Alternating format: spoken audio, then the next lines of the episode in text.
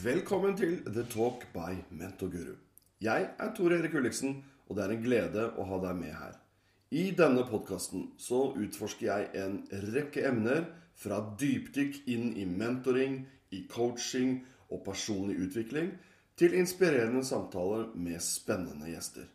Så uansett om du er en nysgjerrig sjel, en lidenskapelig lærd eller bare leter etter litt underholdning, så er du på rett sted. Gjennom hver episode vil jeg dele innsiktsfulle tanker, verktøy dere kan bruke, og engasjerende historier.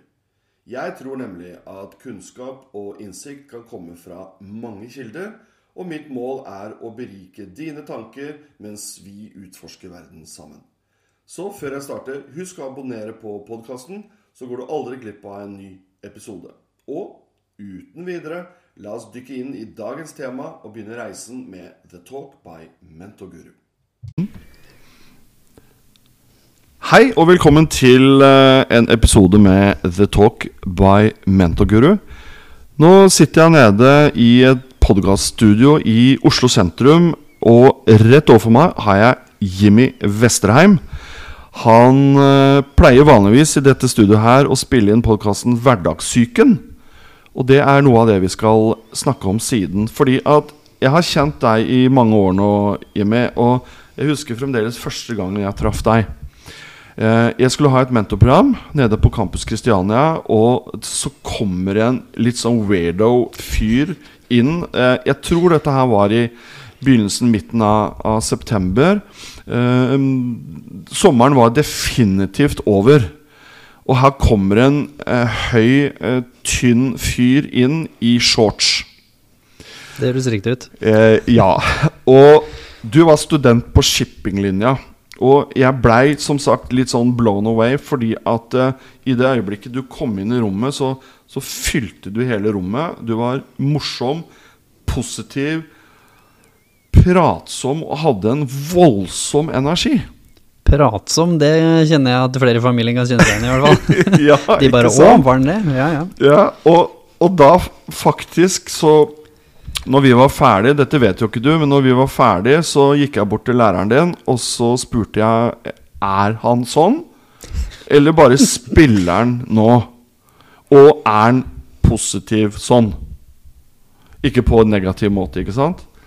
Og da, da sier han det at Kom med meg, skal du få se på nå. Og da gikk vi på kontoret hans, og så dro han fram eh, PC-en, og så viste han meg en video. Eh, Du gikk jo da som sagt på shippinglinja. Du sto helt øverst i baugen på en av de virkelig store båtene nede i Oslo havn. Og hoppa. Det stemmer. Jeg vet ikke hvor høyt det var. Jeg vet ikke om du husker episoden. Det gjør jeg. Eh, Men jeg har jo hørt du har putta ting inn i ulike episoder, og du har bl.a. sagt eh, i en av de at du er fascinert av høyder. Og det så jeg jo med en gang. Du var definitivt ikke høyderegget. Nei, det, vi målte det vel til slutt til 25 meter, men Ja.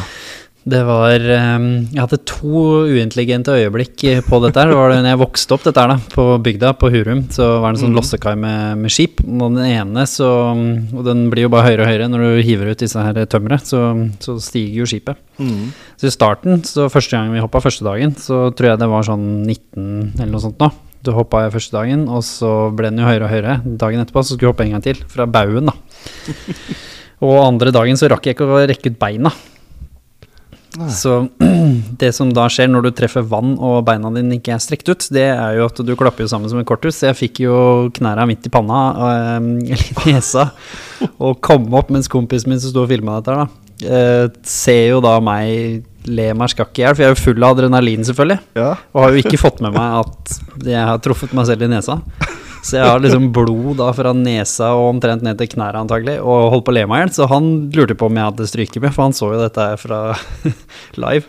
For det kunne gått veldig galt. Det kunne gått gærent, og det er nok ikke eneste gang i livet mitt. ehm, sånn sett. Men eh, jeg prøver å fortelle mamma at eh, det faktisk i hodet mitt er ganske mye risikovurdering. Fordi jeg har mange venner som, eh, sånn in all fairness, som har gjort mye rart som jeg tror de har mindre risikovurdering bak.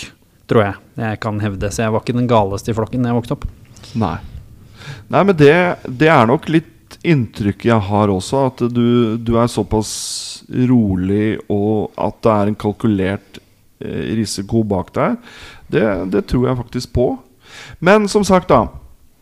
Du gikk på shippinglinja på Campus Kristiania. Eh, du kom selvfølgelig med i det mentorprogrammet jeg hadde for studentene der nede. Hva er det du har gjort siden, hjemme? For det er jo noen år siden nå. Ja, jeg satt og tenkte på det mens du snakka. Så tenkte jeg, når var dette egentlig? Det var i 2007. Du er klar over det? Det er 16 år siden. Ja, Snart, da. I september så er det 16 år siden. fytti. Det har uh, gått Du ser helt lik ut, da. Det,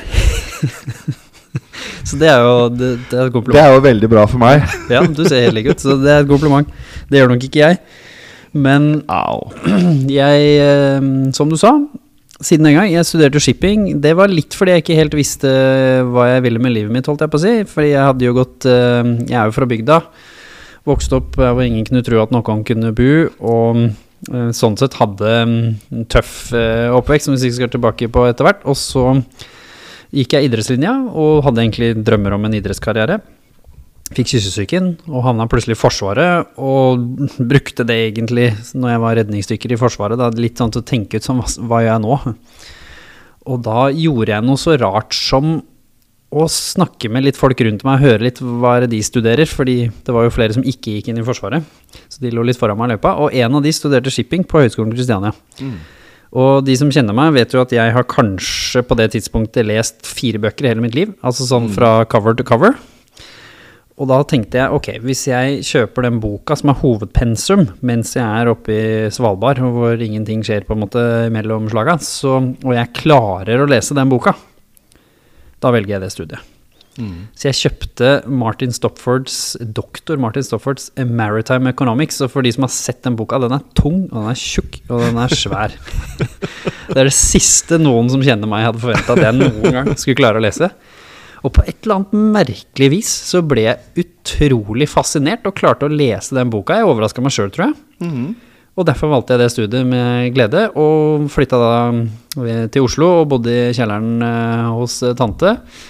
Og flytta inn der. Og kommer da inn her og er egentlig veldig motivert for skole. Det også hører med til historien at kanskje ikke lå meg helt naturlig. Så det var den personen du møtte, en Ja. som var svært motivert for det studiet, fordi jeg følte det For- det passa meg. For det studiet var ettårig, eller var det to? Ettårig? Ett år i Ja. Norge og to år i Southampton til en bachelorgrad, var egentlig tanken. Ja, ikke sant? Og da møtte jo jeg deg etter at du hadde gått der i en to-tre-fire uker. Kanskje. Ja, noe sånt. Det var vel en Mm. måned pluss, tror jeg, måned, jeg hadde gått der. Sånn omtrent. Mm. Så jeg fullfører dette studiet, og mm, vet jo, har jo store planer. Jeg var kanskje en av de som snakka mest om Southampton. Så hvis du liksom hadde, Og du hørte meg jo litt underveis der, jeg liksom var veldig tydelig på at jeg skulle ha denne bachelorgraden. Jeg kommer fra en fattigslig familie, så det var viktig for meg. Jeg kunne liksom være en av de første som hadde fått bachelorgrad i min familie. Og så skulle jeg jo til England, det var kjempespennende. Og så hadde jeg fortsatt denne lille idrettsdrømmen i bakhuet. Ja, Det er jo i Southampton. Ikke sant. På den tiden var Klaus Lundekvam kaptein på Southampton. Han var jo norsk i tillegg. Så da må jeg innrømme at det var nok deler av motivasjonen for hvorfor jeg så på dette som viktig. Men så har det seg sånn at livet går ikke alltid sånn som du ser for oss. Så våren eh, 2008, rett før jeg liksom var i ferd med og vi skulle søke til skolen og alt dette her, så kommer Herman Billung, som den gangen var sjefen i Golden Ocean, en av firmaene til Fredriksen. Et firma som hadde vært voldsomt i vinden. Og vi som gikk på skolen, hadde hørt om det omtrent tre ganger i uka. Stemmer. Han skulle holde foredrag. Vi sitter jo der som erteris og er jo super excited, selvfølgelig. Um, og når han er ferdig, så mm, kommer han og spør Petter, da, læreren, han samme som hadde vist denne videoen, uh, om har du noen flinke elever? Fordi de var i voldsom boom og ville ha en ung person da, inn i mm. sitt operations team. Og det som er fun fact, grunnen til at jeg sier dette her, er fordi det mentorprogrammet som jeg var med sammen med deg, det Mhm. hadde jo også en komponent hvor vi skulle matches med en person fra bransjen. Mm. Stemmer. Vi, jeg var jo veldig opptatt av det som heter tørrbulk, som er liksom alle løse ting som fraktes på skip, sånn kull, korn, alle disse tingene her, Mhm. jernmalm og sånn. Han mentoren som vi klarte å matche meg med, han var fra container. Mm. Egentlig syntes jeg det var dritkjedelig. Inni meg. Men så var jeg litt åpen, da, og tenkte liksom ok, let's give it a go, på en måte. Men egentlig så var jeg litt sånn skuffa at vi ikke fant en mentor innenfor det jeg ville, men jeg tenkte ok, vi prøver. Han kjente tilfeldigvis, var en barndomskompis med en av de i befraktning i Golden Ocean, samme firma. Dette er uavhengige prosesser som ikke mm. visste om hverandre. Mm. Så jeg sier jo til min mentor da, at jeg, veldig, jeg kommer nok til å havne der. Kjenner du noen der? Har da lunsj med han. Så skjer det med Herman. Samtidig så har jeg vært på kontoret der fordi jeg ville lære om operations. Og allerede spurt en annen person, så jeg har plutselig møtt tre personer i det firmaet før jeg i det hele tatt er på intervju. Så de er så gærne, de, at de ansetter meg på fulltid etter ett år på skolen. Oi. Og jeg liksom vinner da i gåsetegn mm. eh, denne intervjuprosessen foran folk med mastergrad og bachelorgrad og alt mulig, for den halve jorda hadde jo lyst på den jobben. Ja, så ikke sant. det var ikke sånn at jeg var aleine der. Litt usikker fortsatt hvorfor, eh, hva det gikk for. For jeg hadde jo Jeg husker første uka så gikk jeg der med dressen min som passa fra konfirmasjon, og så hadde bestemor vært med meg og kjøpt én ny, da. Så jeg følte meg veldig malplassert, det må jeg innrømme, altså, i starten. Men for å gjøre en veldig lang historie kort, så var jeg der i eh, nesten syv år. Ja, syv år. Og jeg kom meg til Singapore som expat, og det er jo da ting vi skal snakke om senere, regner jeg med, det store skiftet i mitt liv mm. skjedde. Mm. Og etter det så har jeg også da jobba i Leger uten grenser i noen år, før jeg startet da Human Aspect-stiftelsen, som jeg leder i dag i 2000 og eh, 2018 16. 2016, jeg ser du. 2016. 2016 starta Human, Human Aspect. Mm. Ja, for du var jo med Leger uten grenser. Du var i Tyrkia, Syria, Hellas, Afghanistan. Hva, hva gjorde du der? Var det befraktning, logistikk? Ja, det var det jo. Det som var spennende, at når jeg hadde liksom Jeg var jo fortsatt så vidt tørr bak, tør bak øra når jeg fikk den store karrierebyttet mitt og skulle inn i Leger uten grenser. Så jeg var fortsatt 27-28 når jeg kom inn der. Og fikk en veldig sånn høy stjerne der allikevel, og fikk et oppdrag som var egentlig langt over min alder. Men da skulle komme inn i Afghanistan og endre hele supply-prosessen.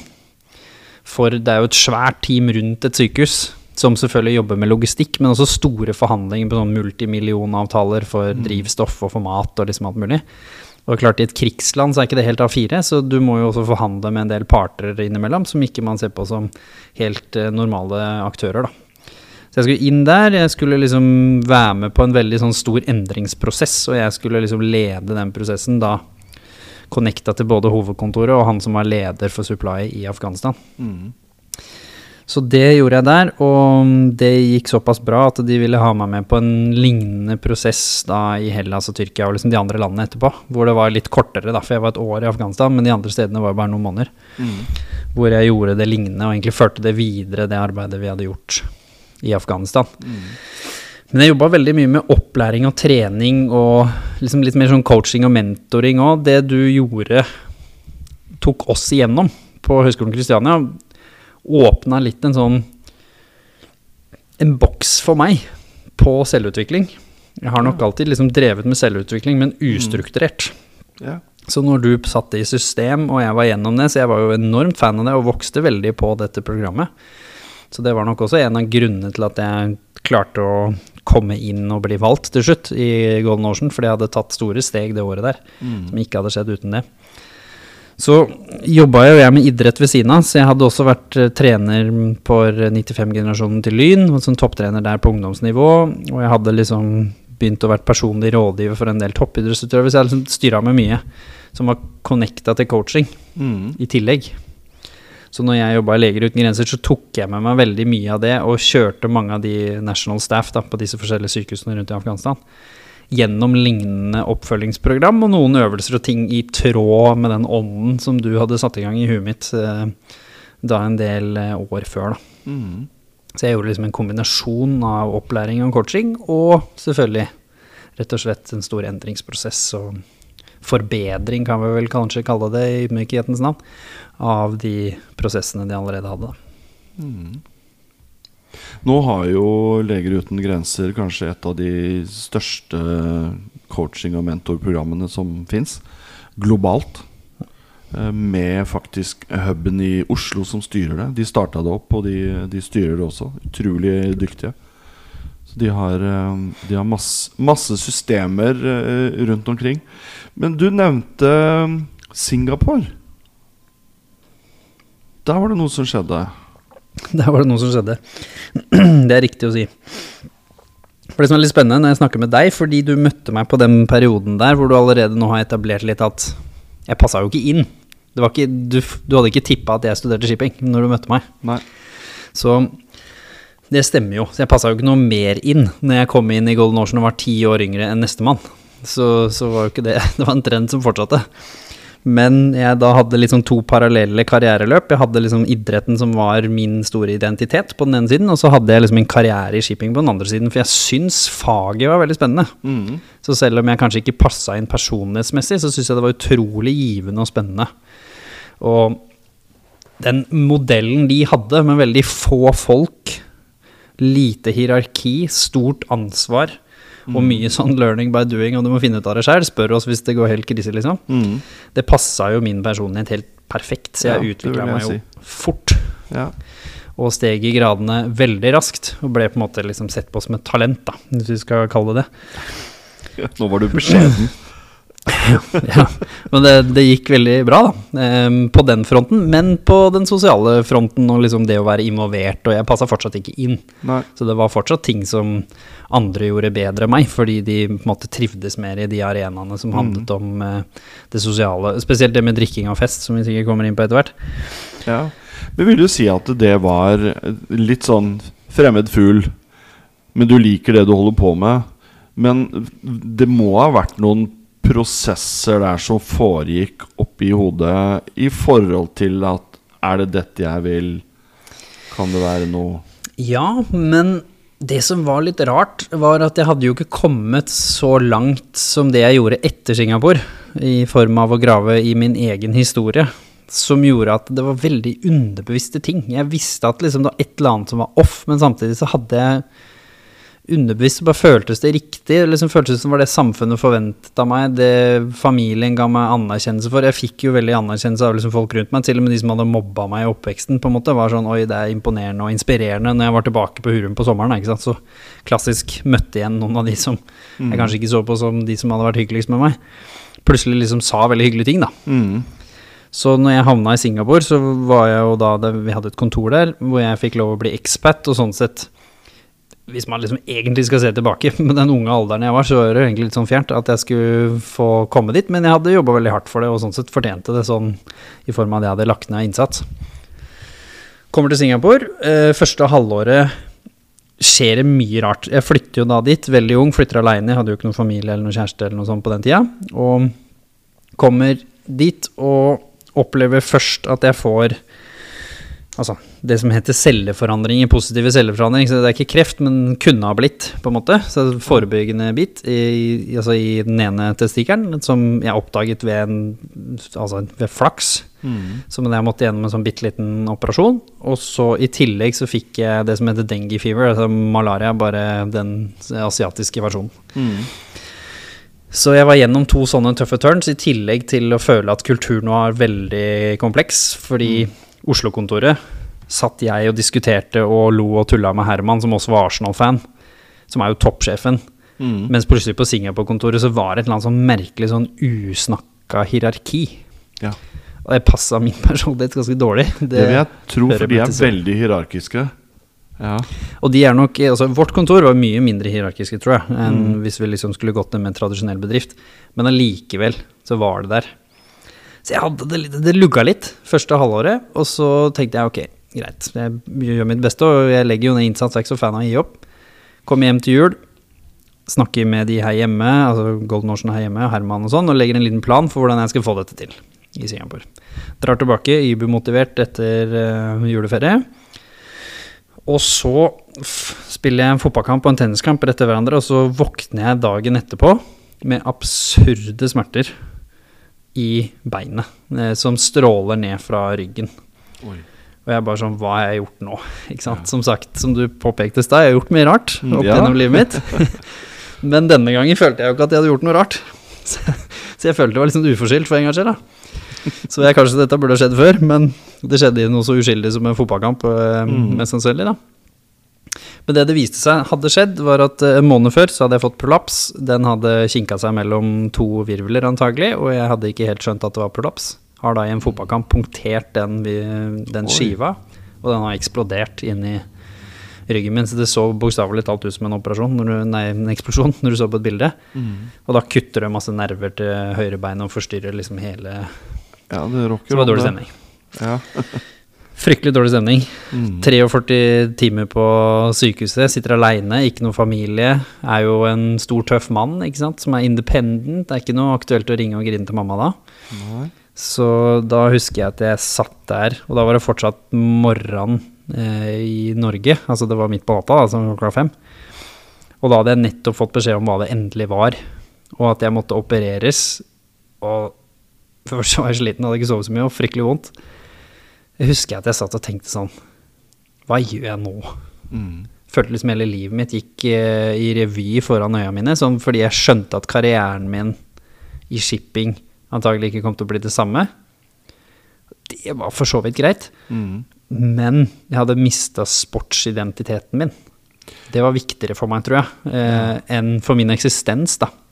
Enn shippingjobben. du kunne da ikke drive med sport Jeg trodde nok ikke det, nei. Nei. Det var litt sånn de indikasjonene som kom da, fra kirurgen. Og da falt hele min verden sammen. Så plutselig sitter jeg der for første gang antagelig i mitt liv og spør meg selv, og ikke andre eller samfunnet, hva har jeg lyst til å bli? Mm. Hvem er jeg hvis du tar fra meg idrett? Ja. Det hadde jeg ikke noe svar på. Nei, ikke sant. Jeg kunne si at ja, jeg er flink i jobben min og alt det der, men hvem er du? Altså det dypere spørsmålet. Hadde ikke peiling. Så sitter jeg der, og på toppen av det hele, du vet jo åssen det er når man eh, har det vanskelig, så blir man veldig problemfokusert. Så hadde vi knota litt med forsikringa. Den hadde vært litt sånn fram og tilbake og signe med riktig firma og sånn. Så jeg trodde også at jeg ikke hadde forsikring. Oi. Mm. Og det er jo dyrt. Ja. Ikke sant? Og jeg var jo ikke, selv om jeg jobba i shipping, så var jeg fortsatt junior-junior. så det var jo ikke sånn at jeg tjente nok til å kunne dekke det på egen hånd. Og familien min har ikke noe, nødvendigvis noen muligheten til å bidra der på det. Så da husker jeg at det var liksom det som fikk mye fokus, da. Mm. Og da ringte jeg, husker jeg, eh, Herman. eh, det var en av de få jeg kjente som eh, ville være våkne så tidlig, da. Han er morgenfugl. Um, og så husker jeg at han gjorde noe helt magisk. Han bare sa 'det ordner vi', husker jeg. Det var litt sånn som du kanskje drømmer om at besteforeldre eller foreldre kan Mm. si, da. Mm. Han sa ikke hvordan, Nei. han bare sa 'det ordner vi'. Og så Mm. på grunn av den respekten jeg hadde for han, så bare stolte jeg på det. Jeg hadde liksom ikke noe behov for å grave i det heller. Nei. Og da forsvant jo de bekymringene. Absolutt. Så det var et sånn veldig sånt eh, vakkert øyeblikk, husker jeg, som jeg vil alltid være takknemlig for han, som gjorde da at jeg heller fokuserte på ok, men nå må jeg gjennom operasjon og de tingene. Da ringte jeg mamma, liksom. Bla, bla, bla. Og da, når jeg kom ferdig med operasjon, så kom jeg tilbake til denne fancy leiligheten i Singapore, da, som jeg bor i aleine. Eh, høyt opp og fin og utsikt og tjoa hei. Sitter der aleine. Åtte dager seinere cirka, var det vel. Og så husker jeg da kommer de mørke tankene. For da er jeg liksom ferdig med action-modus, på en måte. Ja. Adrenalinet er borte. Ja. Da begynte det virkelig å gå inn på meg hva det betydde å miste idrett. Mm. Hva det hadde eventuelt betydd at jeg kanskje måtte hjem fra Singapore og ikke fikk til det heller, i den karrierebiten, fordi de begynte å snakke om Nav og enklere i Norge og tjo og hei. Samtidig som kirurgen sa at du må ikke flytte på deg, må ikke finne på å flytte på deg før eh, du har kommet til det stadiet der, og i hvert fall ikke dra til et kaldt land, for det er jo nerver, så de gror jo ikke så godt i kalde land. Man Ja, blir du hadde jo parallellkjørt to karrierer, Ja. og så plutselig så forsvinner begge. Det må jo være utrolig traumatisk. Det var dårlig stemning. Ja. Jeg bare et, et spørsmål før du går videre, fordi at det, det var noe jeg kjente igjen som du, som du sa. Det der med at du, når du var i shipping, kom hjem og gutta som hadde mobba deg tidligere, eh, familie og sånne ting, ga deg plutselig anerkjennelse. Eh, spilte det inn på en eller annen måte at eh, jeg må få til noe, jeg må jeg må, nå må jeg prestere fordi som du, du har faktisk allerede et par-tre ganger sagt det, det som samfunnet, det som alle rundt deg eh, forventer at du skal gjøre. Forventer at jeg skal gjøre, men aldri sa. Nei. Sant? Ikke sånn rett ut.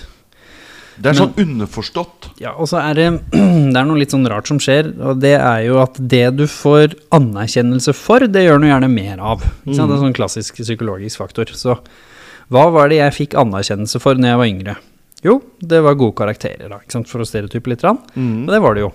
Og i mitt tilfelle så var det også det at jeg klarte å, å oppføre meg på skolen og få gode ordenskarakterer. Det også fikk jeg anerkjennelse for. Så det var det å være rolig og kontrollere mitt store energibehov, men også altså, ja, Hva skal vi kalle det for noe? Eh, emosjonsregulering. Altså rett og slett at det var veldig mye, da. Jeg kunne bli veldig engasjert, spesielt hvis det var noe urettferdig. Da ble jeg kranglete. Så det lagde mye trøbbel på barneskolen. Så mm, jeg fikk mye creds for det, og så fikk jeg mye creds for karakterer, og at jeg var flink. Det hørte jeg hele tiden. Flink på skolen, flink til ditt, jobber hardt, tjo hei. Og, og flink i sport. Flink i sport også, men der jobba jeg veldig hardt. Jeg var ikke naturlig flink. Nei. Så jeg var han som liksom var flink fordi jeg trente mye mer enn alle andre. Mm. Og da får du jo anerkjennelse for alle de tingene du gjør selv, som er sånn independent. Jeg fikk veldig mye sånn skryt for at jeg fikk til ting aleine, Ja. som egentlig underbevisst fortalte meg at du trenger ikke å spørre om hjelp.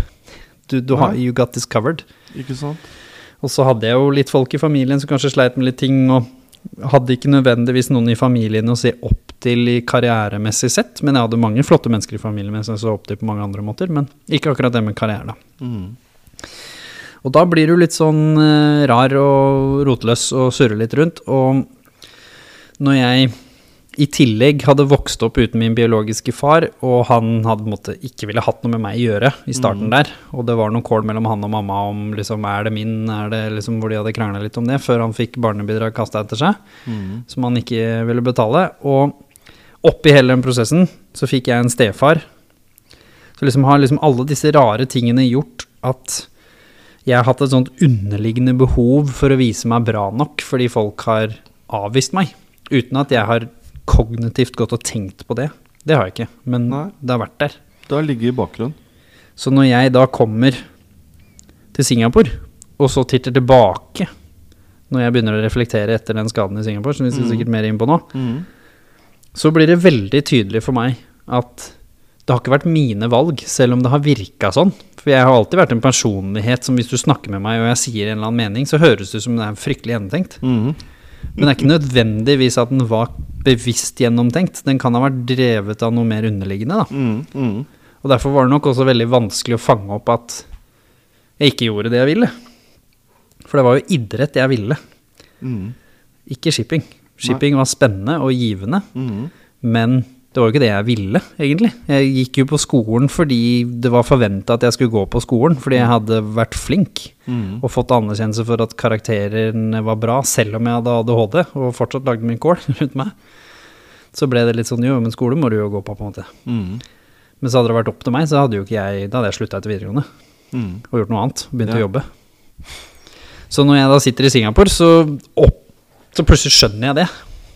Og det er også en sorg. Ja. Det blir litt sånn tapt liv, på en måte, selv om jeg ikke hadde hatt noe tapt liv. For jeg hadde jo gjort så mye annet rart i tillegg. Mm. Og da husker jeg at når jeg da sitter i denne leiligheten, da, så tenkte jeg tilbake på når jeg var 13. Da hadde, liksom, da hadde jeg vært eh, hos biologiske faren min, han var alkoholiker, det hadde vært på sitt verste. Og da har jo jeg sagt at da satt jo jeg i et tre den gangen og tenkte på hvordan jeg skulle ta mitt eget liv Mm. som 13-åring. For da hadde jeg gitt opp. Da var jeg sånn, nå gidder jeg ikke mer. Nå hadde jeg prøvd å sagt fra til de voksne, jeg hadde prøvd å få dette til, følte ikke at det var plass til meg. Og virkelig planla hvordan jeg skulle gjøre dette her. Og masse sånn type, sånn klassisk masse uheldige ting som skjer samtidig. Og jeg klarte ikke å se lenger fram. Jeg hadde nettopp begynt på, på ungdomsskolen. Og det gikk jo heldigvis bra, men det var litt sånn flaks. Men plutselig så sitter jeg der, da, i Singapore, og har tilgang til den metoden som gjorde at jeg venta en uke når jeg var 13. For jeg hadde ikke tilgang til noe høyt sted. Nei, for jeg hørte på det intervjuet ditt eh, hvor du sier at jeg befant meg i et tre og planlegger mitt eget selvmord. Følte meg som en byrde for alle, og at ingen forsto meg. En følelse bygget opp etter år med mobbing og et trøblete forhold til min alkoholiserte far. Og så sa, sa du videre at du prøvde å finne ut hvordan skulle du gjøre det. Og så tenkte de første tanke det var vann. Men så falt du ut 'Fader, jeg er jo så god til å svømme'. Ja, og da hadde jeg på en måte angra, da. Det var liksom det jeg var redd for. Ikke sant? Hvis jeg hadde Ja. svelga litt vann som jeg skjønte liksom hva måten å gjøre det på, så trodde jeg at jeg hadde angra, og at jeg hadde fått, kommet meg opp uansett. Mhm. Fordi jeg vet jo at eh, innerst inne så vil man jo ikke dette, så Nei. jeg var liksom redd for å feile. Fordi jeg følte at skal du liksom ikke få til det heller? Nei. Hvis det, og på bygda så er det mye rykter, da, ikke sant. Hvis du hadde blitt han karen som prøvde å ta. Livet ditt, men ikke fikk det til. Det Ja. føltes jo som Altså, det føltes som den verste straffen du kunne få, da. Ja. Som 13-åring, da. Ja, ja, ikke sant. Det, jo som det, det må man jo ha i bakhodet. At du er 13 år. Og så gikk du på høyder og tenkte det, og da prøvde du å leite etter et høyt sted. Det var dårlig, ja. Ja. Da fant jeg liksom altfor mange, og jeg var jo livredd for å bare havne på en måte i Altså ikke kunne drive med idrett. Så jeg var jo redd for å skade langtidsskade bein eller noe sånt, og og overleve. Det var jo en, det, var det andre marerittet mitt. Mm. Så da ble jeg litt sånn ok, men det eneste jeg var veldig, veldig god på, det var matematikk. Og jeg skjønte da veldig fort at uh, er det høyt nok, så er det mørkt. Mhm. Så det fant jeg liksom ikke. Så da tenkte jeg ok, Oslo. Og da måtte jeg vente litt før jeg kom meg dit, og at ingen skulle mistenke noe. Så jeg hadde jo besteforeldre i Oslo, så da fikk jeg liksom koordinert dette her. Men da fikk jeg jo heldigvis, i mitt tilfelle, da, en uke mellom, som gjorde Ja. at noe skjedde som gjorde at jeg utsatte det. Hadde ikke helt tenkt å gi det helt opp enda. Og så plutselig litt sånn forskjellige tilfeldige ting, så ble det litt bedre. Som bare gjorde at resten av ungdomsskolen ble vanskelig. Med tilslag inn og ut av litt de samme suicidale tankene, men ikke like dominerende som det var i den perioden der hvor det føltes helt virkelig oppløst. Mm. Og så spoler vi fram til 27. Sitter jeg i en leilighet hvor det eneste jeg trenger å gjøre, er å åpne døra, egentlig. Og så er det problemet løst. Mm. Ja. Og så plutselig blir jeg jo kjemperedd. For nå sitter jeg jo da i den leiligheten og skjønner at det bare er å åpne døra. ja. Og heldigvis så har jo jeg vært der før i de tankene, så jeg vet at dette er ikke noe å tulle med. Så jeg tok det på alvor, heldigvis. Som gjorde at jeg skjønte sånn Nå må jeg gjøre noe annet. For Mm. det hadde jeg på en måte ikke lyst til Og da får man jo mye rare tanker, så man hadde ikke lyst til å gjøre det i Singapore, fordi jeg følte ikke foreldrene mine hadde råd til å komme dit. Hadde de selvfølgelig gjort det åkke som, eh, i hvert fall hvis jeg døde, ja. på en måte. Men jeg følte at det hadde blitt unødvendig problematisk Ja. for dem. Så man tenker på sånne veldig rare ting. Veldig praktisk ja. her, Jimmy. Man, man blir fascinerende praktisk skjønner du, Ja. når, når man er eh, i de baner der. Og det har jeg jo skjønt nå som jeg jobber med psykisk helse, at eh, det er jo veldig vanlig da, at man blir veldig Mm. praktisk. Heldigvis er det mange praktiske ting som redder mye selvmord, faktisk. Ja. Sånne rare ting som det der. Men den følelsen man sitter med der, var jo den samme følelsen. Men jeg er nå 14 år eldre. Mhm. Mhm. Og du skulle jo tro 14 år på en måte smartere, 14 år mer erfaren. 14, altså, så man skulle jo tenkt at hvordan kan man havne der igjen, da? Det husker jeg jeg tenkte mye på. Og da ble jeg liksom, det må jo være et eller annet her jeg ikke forstår. Det må være noe som driver meg, som fører meg til disse veldig mørke stedene når det er vanskelig, da. Og det henger tydeligvis sammen med min identitet, idrett og mm. det å mislykkes, for det var det jeg følte jeg gjorde mm, med ja. den skaden. Ikke sant. Redselen for å mislykkes. Ja, så da begynner jo en voldsom tankeprosess som fører meg dit jeg er i dag. Ja. Som jeg regner med du har noen spørsmål rundt. Ja, det, det har jeg. Fordi at uh, du Jeg bare leste noe som jeg har veldig lyst til å si. Øhm, fordi at du har jo vært uh, tilknytta talerlisten en stund. Ja. Uh, og da sier de et av dine mest berømte trekk var at du er beinhard på utfordringen som du kaller ærlighet svir. Ehm, og da Når vi er da i Singapore, kommer hjem fra Singapore, så vil jeg jo tippe at da er vi sånn cirka rundt 2016? 2015-2016? Kan det stemme? 2015 blir vel det, ja. Ja. For- 2014 var det faktisk. Ja, og hva, hva skjedde mellom du kom hjem? Fordi at du starta opp det som Eller det, det du gjorde, var at du Du starta opp i 2016, um, og mottoet, eller eh, hva man skal kalle det, for dette her, det er å inspirere verden gjennom historier. Eh, noe som jeg sjøl syns er helt fantastisk, for jeg er veldig opptatt av at man, man lærer gjennom historier. Eh, jeg har brukt det sjøl i et par bøker i forhold til entreprenørskap, å bruke historier til å inspirere. Både i, både i Europa og i, i Afrika. Så du, du starta rett og slett det som er verdens første interaktive bibliotek. Hvordan kom du fram til den ideen? Livserfaringsbiblioteket, som det heter så Ja. flott. Ehm, jo, det starter da med Singapore, denne prosessen, og at jeg skjønner at et eller annet er off. Og så kommer det en annen mentor i mitt liv på den tida. Det var faktisk min behandler, som var min akupunktør, men som hadde blitt litt sånn som en venn, da. Og han var en av de få som turte å utfordre meg veldig sånn beinhardt, sånn tøft. Hvor han turte å liksom si de typiske spørsmålene som, man, som irriterer deg litt. Hvor du blir sånn, nå må du slutte, liksom. Men jeg visste han gjorde det med vilje for å trigge ting, så liksom jeg klarte å kontrollere frustrasjonen min litt allikevel. Og så sa han Gå tilbake i livet ditt, se på alle de store valga du har gjort, Mm. og så ser du hvilke alternativer du hadde, og så ser du om du finner noe rød tråd. Men du må gjøre det ordentlig, da. Mm. Mm. Så jeg setter i gang. Jeg hadde en iPad på den tida, og går da inn og ser på de store valga, sånn typisk. Sant? Hvorfor valgte du den videregående? Hvorfor valgte du å flytte hjemmefra da? Ikke sant? Sånn typisk. Hvorfor valgte du den jobben? Hvorfor sa du ja? Ikke sant? Alle de tingene der. Så går jeg tilbake, og så titter jeg også da og prøver å huske, da. Det er jo ikke så lett, så da må jeg snakke litt med mamma. Jeg må liksom snakke litt med andre folk. Så hvilke alternativer hadde jeg? Hva var det jeg snakka om på den tida der? Når jeg var den, så håpa jeg at noen prøvde å huske det. Så jeg fikk litt sånn innsikt fra andre. Og så plutselig så kommer den røde tråden opp for meg, og det er bare sånn Jeg velger alltid det vanskeligste valget. Uansett hva alternativene er. Og da ble jeg litt sånn Spennende. Hvorfor det? Og så er det litt sånn lett å tenke ja, ja, jeg har alltid likt konkurranse, jeg har alltid likt eh, utfordringer, ikke sant, i den forstand at man har lyst til å til liksom få til kule ting, da, ikke sant, og sterke ting, og har lyst til å være independent, det var jo som jeg sa i stad, var det jeg ble anerkjent for. Men hvis det skjer 60% av tida, da kan du skylde på det. Mm. Når det skjer 100% av de ni store valga jeg hadde brukt tid på å analysere, Mm. da er det noe dypere, Ja. ble jeg fortalt av han da, Ja. han som utfordra meg. Så tenkte jeg, ok, greit. Og da tenkte jeg litt tilbake, hva har liksom vært den tingen som jeg har opplevd som har vært vanskeligst for meg? Og som går litt igjen i alle de vanskelige tingene jeg har hatt. For det har jo vært mange forskjellige ting, men det er jo ting som gjerne kan gå igjen i de tingene du har opplevd. Og da så jeg jo at det har vært litt sånn avvisning, men avvisning på bakgrunn av noe som jeg føler er urettferdig. Ja.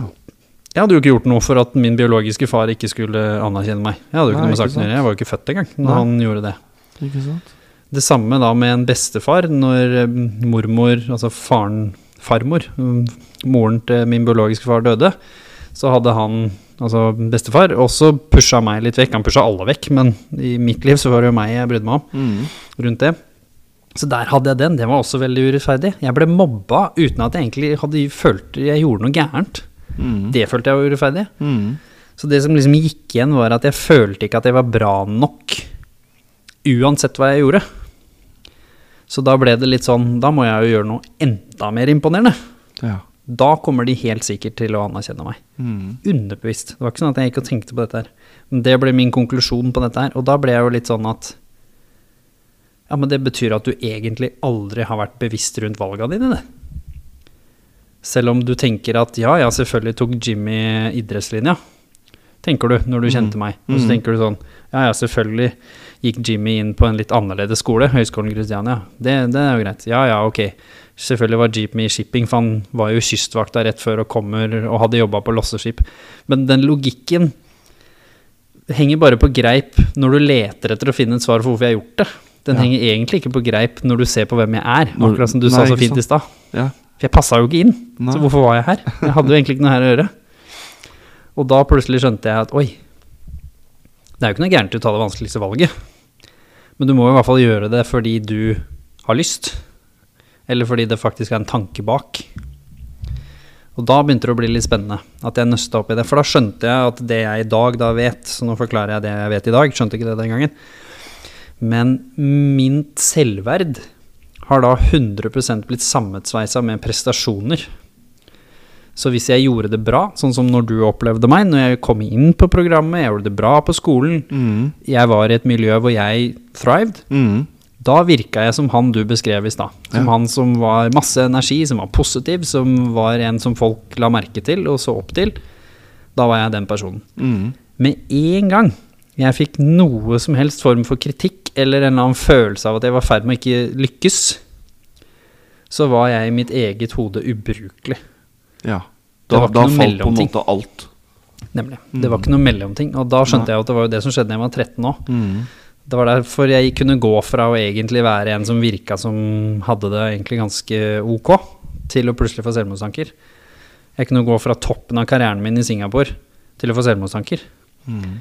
Fordi der hvor veldig mange andre, da, det er mange andre som sliter med det her men, men, men andre som ikke har opplevd de tingene, har en sånn iboende tanke om at jo, men de er jo bra. Og så påvirker de tingene du gjør selvfølgelig hvor bra, men du er i hvert fall bra. Jeg var ikke bra, jeg var ubrukelig når jeg ikke fikk til noe i mitt eget hue. Mm.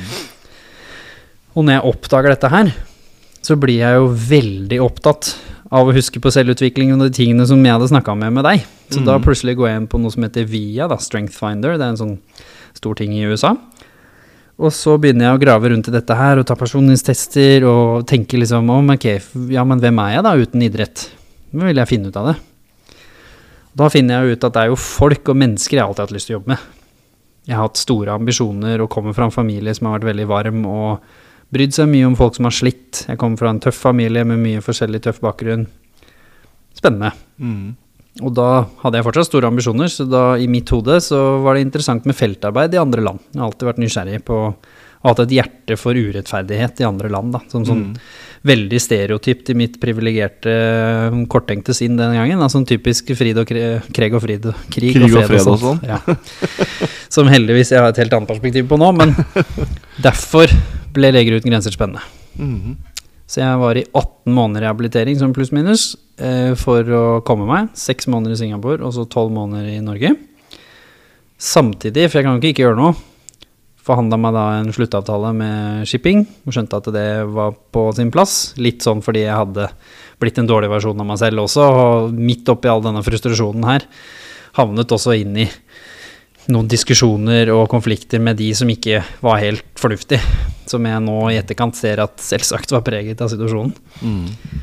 Og så begynner jeg å studere på BI, som jeg hadde studert deltid, og skulle prøve å fullføre denne bacheloren da, som jeg endelig skulle rote meg til, men da i management og ledelse. Ja. Så da tok jeg veldig mange studiepoeng på veldig kort tid. det var litt sånn typisk meg. og så eh, var det Leger uten grenser, da, som sto og venta. Heldigvis kom inn der. Det er også en ganske sånn intensiv eh, prosess for å bli godkjent. Og så er det Afghanistan. Første Mm. tur. Reiser ned. Kjempespennende. Ikke sant? Eh, Følte igjen nå, følte jeg nå, nå er det jeg som bestemmer. Ikke sant? Nå har jeg tatt eh, et bra valg. Du har tatt grep. Ja.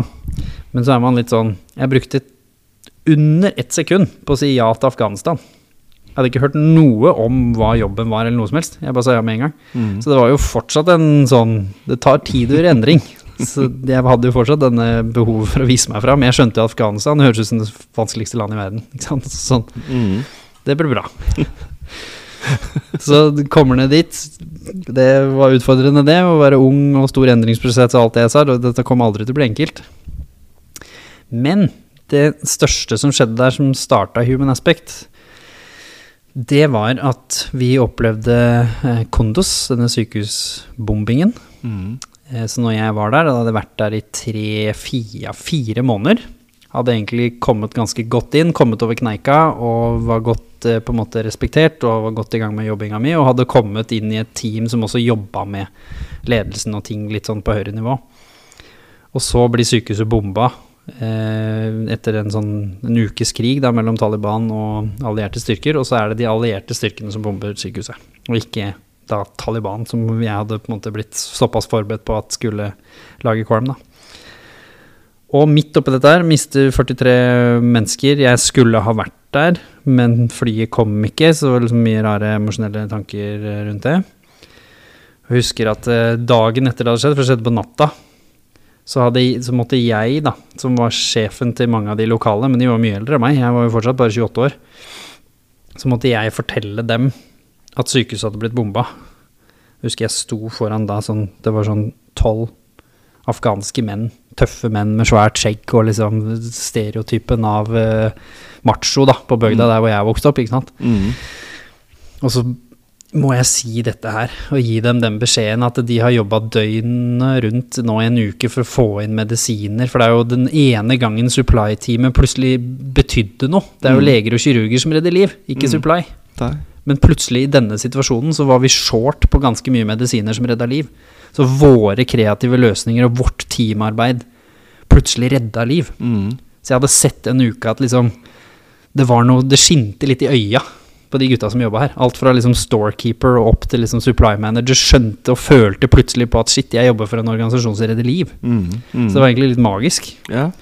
Og så skal jeg liksom ta det fra dem. Og så skal jeg si at det betydde ikke en dritt. Sykehuset er bomba, masse folk har dødd. Det er bare Det var en sånn forferdelig situasjon. Hvor du Ja. bare ser du, Jeg, jeg følte bokstavelig at det tok gleden fra dem på et sekund. Mm. Og så selvfølgelig blir de stille og titter ned, og noen får tårer i øynene, og liksom igjen ting du ikke assosierer med tøffe afghanske menn, da. Og når jeg er ferdig med dette her, så setter jeg meg oppå en sånn stor pallerad, for da har det endelig blitt eh, morgen i Norge, da. Så vet jo jeg at det, for det hadde jeg jo sjekka på vg.no, så det som står øverst, så står det 'Leger uten grensesykehus bomba i Afghanistan'. Mm. Så jeg skjønte at jeg måtte Da må du ringe foreldra dine før de går inn på vg.no. Så derfor så ringer jeg pappa, som til slutt var våken, da. Litt for tidlig på en lørdagsmorgen. Så, og forklarer at det går bra med meg, men gir han litt mer innsikt, da. Og de selvfølgelig vil jo ha meg hjem, men den, den personen jeg er, så ble ikke det noe av. Så oppi dette her så får vi et team som kommer med psykologer, sorg, kriseteam som skal komme. Mye rart som skjedde i forbindelse med dette her. Og så tenker jeg at nå kommer folk til å åpne seg og snakke om det. For Mm. det har jo folk gjort hele livet til meg. Mm. For jeg har jo vært hobbypsykolog hele livet. Mm. Har vært han som folk åpna seg til. Jeg har hatt mer jentevenner enn guttevenner. Det var grunnen til at jeg ble mobba som kid. Mm. Men det jeg da trodde var en sannhet, var jo ikke det. Det er jo ikke vanlig å åpne seg, jeg har skjønt, i etterkant. Så plutselig så sitter vi der, folk fra 50 forskjellige nasjoner, flere hundre mennesker, får kriseteam, psykolog, tjo hei. Ingen sier noe. Nei. Ingen åpner seg.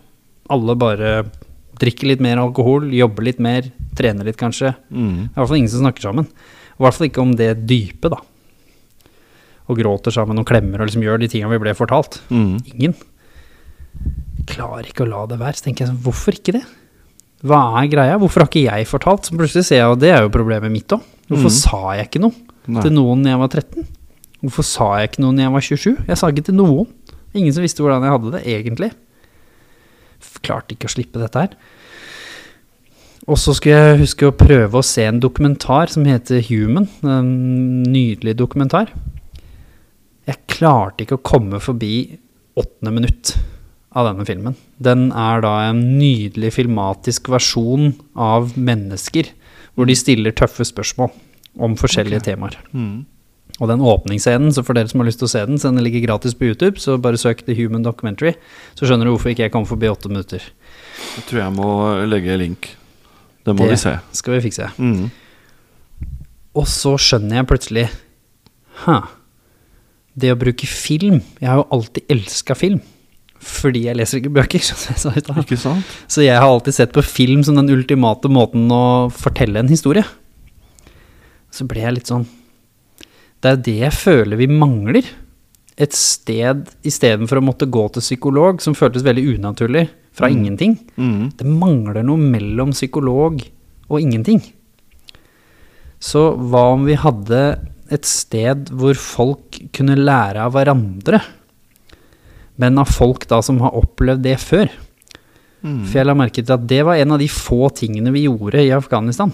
Vi snakka med de som hadde hatt mange oppdrag før. Stemmer. Og så ble vi litt sånn shit, har ikke du også vært i et angrep hvor dere mista noen kollegaer? Jo, da hadde vi et par stykker, da. Ikke sant? Spurte vi hvordan håndterte dere altså, så Det så jeg, det løsna for folk. Mm.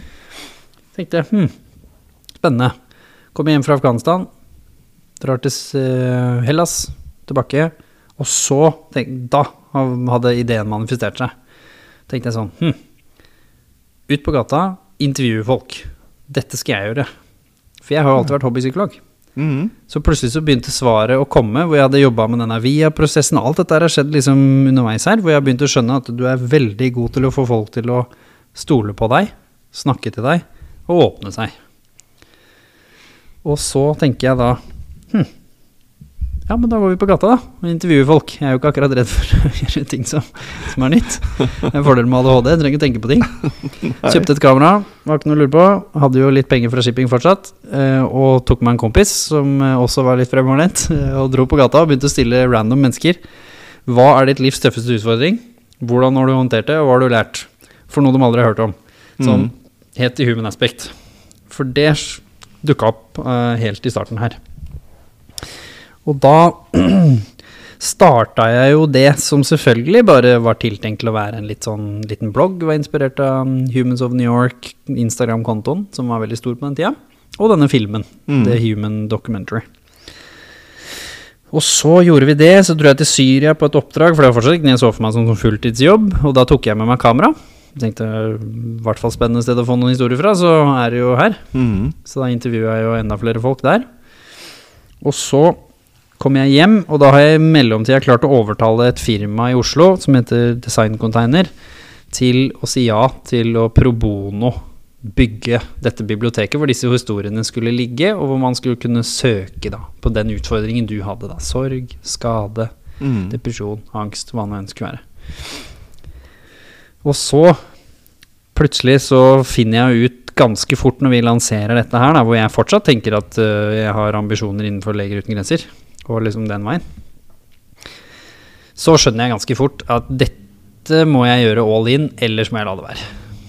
For dette tar mye tid. Nå ble det litt sånn at jeg hadde to karrierer igjen, sånn som jeg hadde i shipping. Og det sist gang gikk jo ikke så bra, på en måte. Fordi jeg tenkte sånn, det er, det er grenser for hva vi kan konsentrere oss om. Nå må du gjøre en ting av gangen, Mm. liksom. Og så syns jeg det var selvfølgelig veldig spennende, og jeg fikk en følelse av at dette var noe vi var eh, gode på, da. Jeg har jo fortalt den historien en del ganger hvor vi sendte noen av de første intervjuene til en del bekjente og venner av meg. Og en av dem var en journalist. Og så svarte han tilbake Er dette en spøk? Da blir du litt fornærma, da. Så, så hva mener du? Er det en spøk? Var du for en idiot? Jeg ringte han, da. Og så sa han ja, har du, har du intervjua fetteren din på en måte og later som du ikke kjenner dem? Er det en skuespiller, eller kjenner du dem faktisk ikke? Jeg bare, «Nei, Morsomme spørsmål. jeg aner ikke hvem dere er. Jeg møtte de på Jeg møtte de 15 sekunder før jeg begynte å stille spørsmål omtrent. Mm. Han bare Du tuller du med meg? Han bare Det her må du gjøre noe med. Han bare Jeg har aldri sett noen som klarer å få noen til å åpne seg så fort. Nei. Eh, For noe de eh, definitivt vanligvis ikke snakker om, som han sa. Mm. Og så ga han meg 1000 tips om hvor ubrukelige videoene var, og ting vi måtte fikse opp i. Som er helt fair enough, for det, kunne ikke vi noe om. Så det er greit. Så det er på en måte starten på Human Aspect. At der skjønte jeg at jeg er hjemme. Her har jeg et unikt talent Mm. som faktisk kan skape noe som jeg følte verden trengte. Så det matchet litt Jeg leta jo etter å prøve å finne ut hvem Noe er jeg. stort nå, ja. Ja, og jeg hadde ambisjonene som noe stort nå, Mhm. som du sier. Og jeg ønsket å få til noe imellom mellom teknologi og menneske. For jeg følte ikke at jeg hadde lyst til å begynne å jobbe som sykepleier, selv om det er helt fantastisk. Så matcha ikke det meg. Nei. Jeg ville liksom et eller annet space mellom. For du satt og 'connecting the dots'. Nemlig. Og det var jo da det januar, eh, eller så 22. desember, eller 23. var det vel, desember eh, 2016, så bestemte jeg meg for å gå all in. Og slutte i Leger uten grenser, da. Og, og Mm. gjøre dette på fulltid. Og siden har jeg gjort det. Men bare sånn Litt sånn tilbakeblikk. For at du, du har jo en, eh, en historie som er veldig opp og ned. Veldig mye opp og ned. Og, og, og det er liksom litt sånn i det, du, sa det, det et eller annet trigger deg noe negativt, eller noe sånt nå, så er du nede i kjelleren. Ja. Og du går ganske langt ned i den kjelleren. eh, for du er nesten, kanskje ikke det første, men en av de to-tre, da, da er det selvmord med en gang.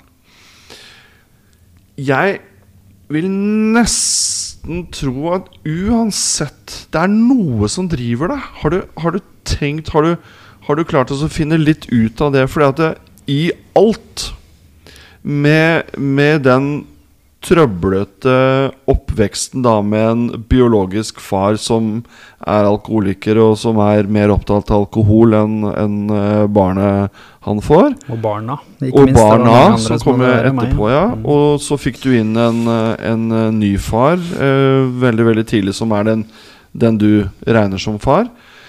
Men det er noe her. Ja, og det er jo det som er spennende, da. At jeg sier jo at det som jeg i stad ble min kryptonitt. Ikke sant? Mhm, Det der at mhm. hvis jeg fikk noe kritikk eller fikk en eller annen følelse om at jeg skulle feile, Ja. så overreagerte jeg voldsomt, og det ble mitt downfall, på en måte. Mm. Andre siden av det er jo at jeg hadde jo aldri lyktes hvis jeg ikke hadde en underbevisst drive om alltid velge det vanskeligste heller. Nei. Sant? Og, og egentlig bite over litt mye, da. Hele tida. Ja. Fordi jeg følte jo at eh, jeg hadde lyst til å få det til. Så jeg har jo alt, jeg har vært han som ikke nødvendigvis har hatt noe talent for noe, men som har strekt meg lenger enn det jeg kanskje burde ha gjort med det talentet jeg hadde, men vokst i det. Og vært veldig learning by doing-personen Mm. hele livet. Og gjort veldig mye og lært fryktelig fort. Jeg var liksom han som Uansett hva du ga meg, så hadde jeg lært det på fryktelig kort tid. Mhm. Ja, for du, du, må, du må ha hatt den indre driven. Ja da. Ehm, hvor kommer den fra? Altså, hvis man liksom Det kan man se litt, det kommer litt an på hva du tror på. Man kan tenke at den kommer eh, energisk fra mm. gudene veit hvor. Kall det en gammel sjel, kall det hva du vil. Mm. Annen side så kan du jo si at familien min sin bakgrunn var at de var en relativt respektert familie i Trondheim før bestemor, mamma og tante flykta fra bestefar den gangen, og vold og galskap i det. Så det var jo, når jeg vokste opp, så hadde mamma i utgangspunktet store ambisjoner og var en high achiever som, som skulle egentlig bli advokat, helt fram til ta-da, kommer Jimmy og ødelegger den planen. så, Velkommen! da ble det alenemor isteden, så det gikk jo ikke helt veien. Men mamma var fortsatt en veldig high achiever, og mm. var en veldig moderne feministisk kvinne, hvis du skal kalle det det. Og mm. vokste opp sånn med bestemor, som var en hjemmeværende kvinne, men en av de klokeste menneskene jeg har kjent, før vi mista henne. Mm. Og hadde nok også inspirert mamma og tante og liksom de rundt til å gjøre sånne ting, da. Så det er noe der i de familiære båndene, og de som jeg sa, jeg hadde ikke nødvendigvis noen eh, rollemodeller i form av hva de hadde gjort i karrieren, men jeg hadde rollemodeller i form av de menneskene de var, Mm. og de ambisjonene de hadde, og de Ja, aldri hørt hjemme at jeg At noen har sagt at jeg ikke kan få til noe, hvis du skjønner. Hvis Nei. jeg har kommet med en eller annen gal idé om hva jeg har lyst til å få til i livet, så er det ingen som har sagt at nei, slutt å tulle, liksom, hold deg mm. på jorda, liksom. Mm. Janteloven har ikke eksistert hjemme hos oss. Og det har selvfølgelig vært viktig. Og pappa, som jeg nå kaller han nå, stefaren min sin foreldre, de har også vært mennesker som har fått til litt sånn store ting, mer akademisk, da, litt mer sånn tradisjonelt, mm. som vi kanskje ikke hadde i familien. Som også da har vist meg, men også klappa for det med skole og sånne ting, hvor jeg lett kunne ha latt det være. Mm. Hvis ikke noen liksom applauderte meg litt for det. Mm. Så det har den litt rare kombinasjonen av de jeg har hatt rundt meg. Men så har jeg hatt dette Jeg vet ikke, for det liksom, når man har ambisjoner, så er det jo en blanding av at du tror det er mulig, Mm. og at du har lyst til å bevise noe. Og vi, vi så inn i research en gang, i Premier League, toppserien i fotball i England, for de som ikke følger med på fotball, så gjorde de research og så på bakgrunnen til alle de elitespillerne som spilte på øverste nivå den gangen. Mm. Og da var det 93 hadde kommet fra det som var ansett som vanskelige kår. Og da snakker vi ikke om liksom übertraumatisk og vold og alt, men det hadde enten kommet fra økonomiske vanskelige kår eller noen eller annen form for traumatisk bakgrunn. Mm. Kun 7% var ansett å komme fra øvre middelklasse eller høyere. Og den researchen konkluderte med at det som skal til for å vinne noe av den råeste konkurransen som fins, en idrett hvor egentlig alle omtrent kan bli fotballspiller, fordi det, det er ikke dyrt på samme måte som f.eks. racing eller noe annet, så er konkurranse så stor at du må ha noe mer enn bare talent. Det må være noe i deg som gjør at du står opp den dagen den andre kiden ikke står opp. Mm, mm, Jeg var den kiden. mm. Jeg sto opp når de andre ikke sto opp. Du hadde den indre driven som, som du må ha. Du, du var den som strakk deg lenger. Du var den som var seinest ute. Du var den som sto og antageligvis eh, sparka ballen på, et, eh, på en liten, rund eh, Naboen veit det. tegning på, på veggen. I, i, ja, eller gjerdet, ja. Ikke, Ødelagt mange gjerder i nabolaget jeg vokste opp, det stemmer. ikke sant. Og så, og så er du helt uh, tydelig eh, veldig prega av uh, kvinnene rundt deg. For det husker jeg Det var en, en det, Jeg må nesten fortelle den uh, historien, uh, Jimmy. Det var en veldig morsom historie du, du fortalte i, i ditt intervju. Jeg vil jo anbefale alle sammen å gå inn på Human Aspect og, og se ikke bare intervjuet med Jimmy, men, uh, men ikke jeg har lyst til å si alle de andre, men det er over 750 intervjuer der. Så det Tenk er, si de andre. Det er en, eh, fantastisk eh, bibliotek eh, blitt. Men, men du, av eh, de, de sterke kvinnene rundt deg, uh, var veldig prega av det i forhold til at eh, du, du ville og du kunne snakke om ting. Uh, du, du torde å vise følelser selv som uh, 12-13-åring.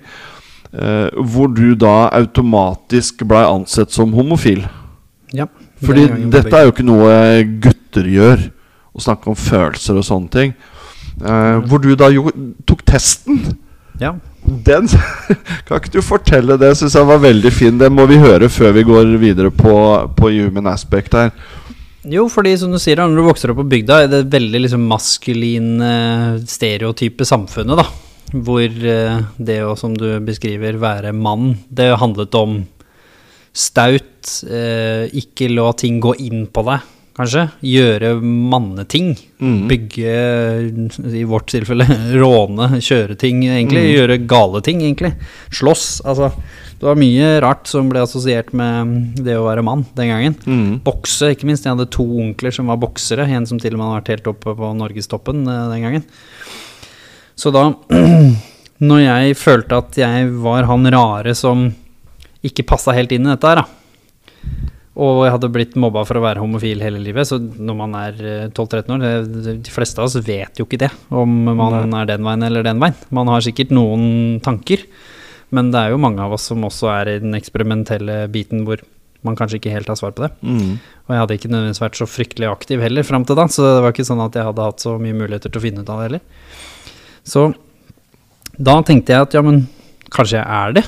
For jeg var også i en familie hvor det var ikke nødvendigvis noe galt i det. Vi hadde Broren til bestefar var homofil, så jeg følte liksom ikke noe redsel rundt Nei. at hvis jeg var det, så hadde ikke det hatt noe å si for min familie.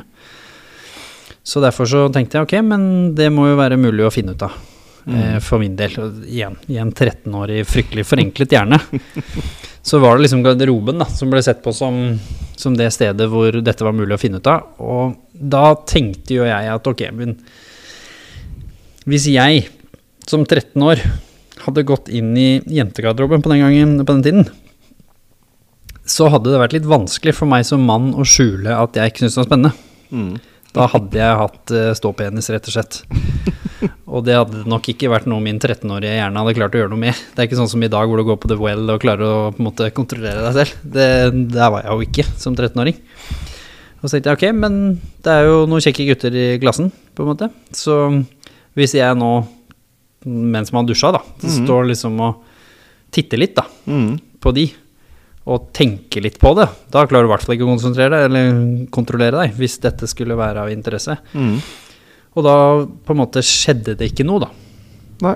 med meg der nede. Så det ble jo mitt veldig banale, selvfølgelig, jeg vet jo i dag at det er mye mer komplekst enn som så, men det ble mitt veldig banale svar på at ja, men da er jeg kanskje ikke det. Nei. Og som sagt, det er ingenting galt i om det hadde vært det eller ikke, men det det gjorde for meg da, det åpnet at det var ikke så svart-hvitt. Det var jo da jeg plutselig skjønte at det må være homofil, lesbisk, bifil eller heterofil, har da vel ingenting med disse dustestereotypene å gjøre? Nei, ikke sant? For det er jo et personlighetstrekk. Det har jo Ja. ikke noe med Ja, det- hvem man er seksuelt tiltrukket av. Ikke i det hele tatt. Nemlig. Helt enig. Og da ble det litt mer spennende, for da ble jeg jo litt mer sånn Ja, men hvorfor kan ikke jeg da være mer av den jeg er? For det hadde jeg undertrykt ganske mye fram Mm. til det tidspunktet. Mm. Og så begynner det å blomstre opp, spesielt etter da 27, og når Human Aspect starter, så blomstrer jo dette mye mer opp, hvor jeg mye mer tenker sånn Men dette er jo den siden jeg trenger nå. Hvis jeg skal sitte og intervjue en kvinne som har opplevd å bli voldtatt, og jeg er en 1,90 høy mann med idrettsbakgrunn som veier 86 kilo, så er jo ikke det helt uproblematisk. Nei, ikke sant? For det er jo igjen, da Du, du tar altså den erfaringen eh, som du har fått ved å ha de sterke kvinnene eh, veldig dominerende i livet ditt, eh, og, så, og så snur du og, og gjør de til en, eh, en fordel. For det er, er jo, det, det er ingen tvil om at det er det som gjør at du connecter så lett med, med folk, sånn som, eh, sånn som han eh, journalisten eh, hadde sagt. Det er skuespillere, er det noen som tuller? Det, det er jo virkelig det. Ja, absolutt. Og at jeg hadde hatt pappa, altså stefaren min, som var også litt denne annerledesmannen.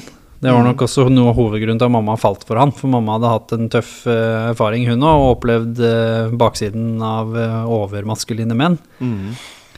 Som gjorde at han er enda høyere enn meg igjen. Han er liksom 1,94-93 eller noe sånt.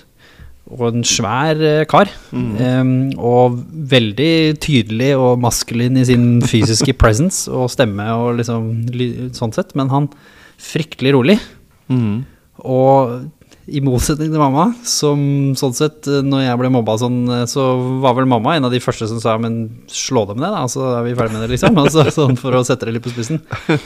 Så husker jeg veldig godt at um, Jeg tror ikke pappa husker at han har sagt dette engang, men når jeg var fryktelig frustrert på at noen hadde mobba meg, så kom han og utfordra meg da, og sa ja, men hvis du gjør det de gjør mot deg, så hvis du tar igjen da, med samme mynt, hva gjør deg bedre enn dem?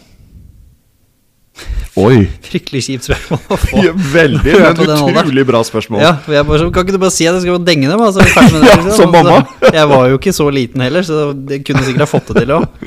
Masse energi, og jeg tenkte det, det fikser jeg. Ja. jeg bare lære meg å bokse, så blir jeg boss. Ja. Men han utfordra den tanken, da.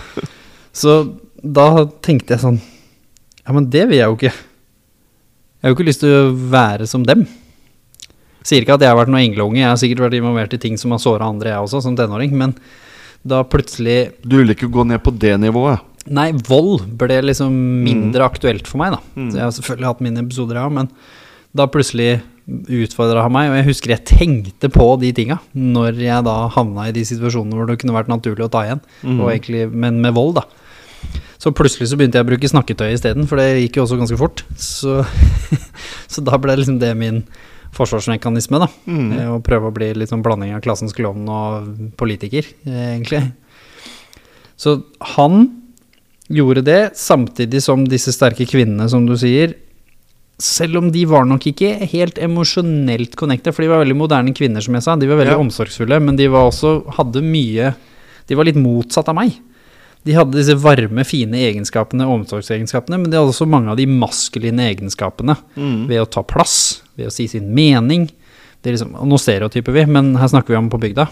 Så var jo det det som ble assosiert med å være mann. Det var å bestemme, det var Ja. å ta plass, det var mm. å fikse vaskemaskin. Altså, mamma kan fikse vaskemaskin sjøl. Så derfor så fikk jeg plutselig litt sånn hm, Det er jo mulig å være den jeg er, Mm. og det må være greit. Så da hadde jeg en sånn rar forståelse i at det var mulig.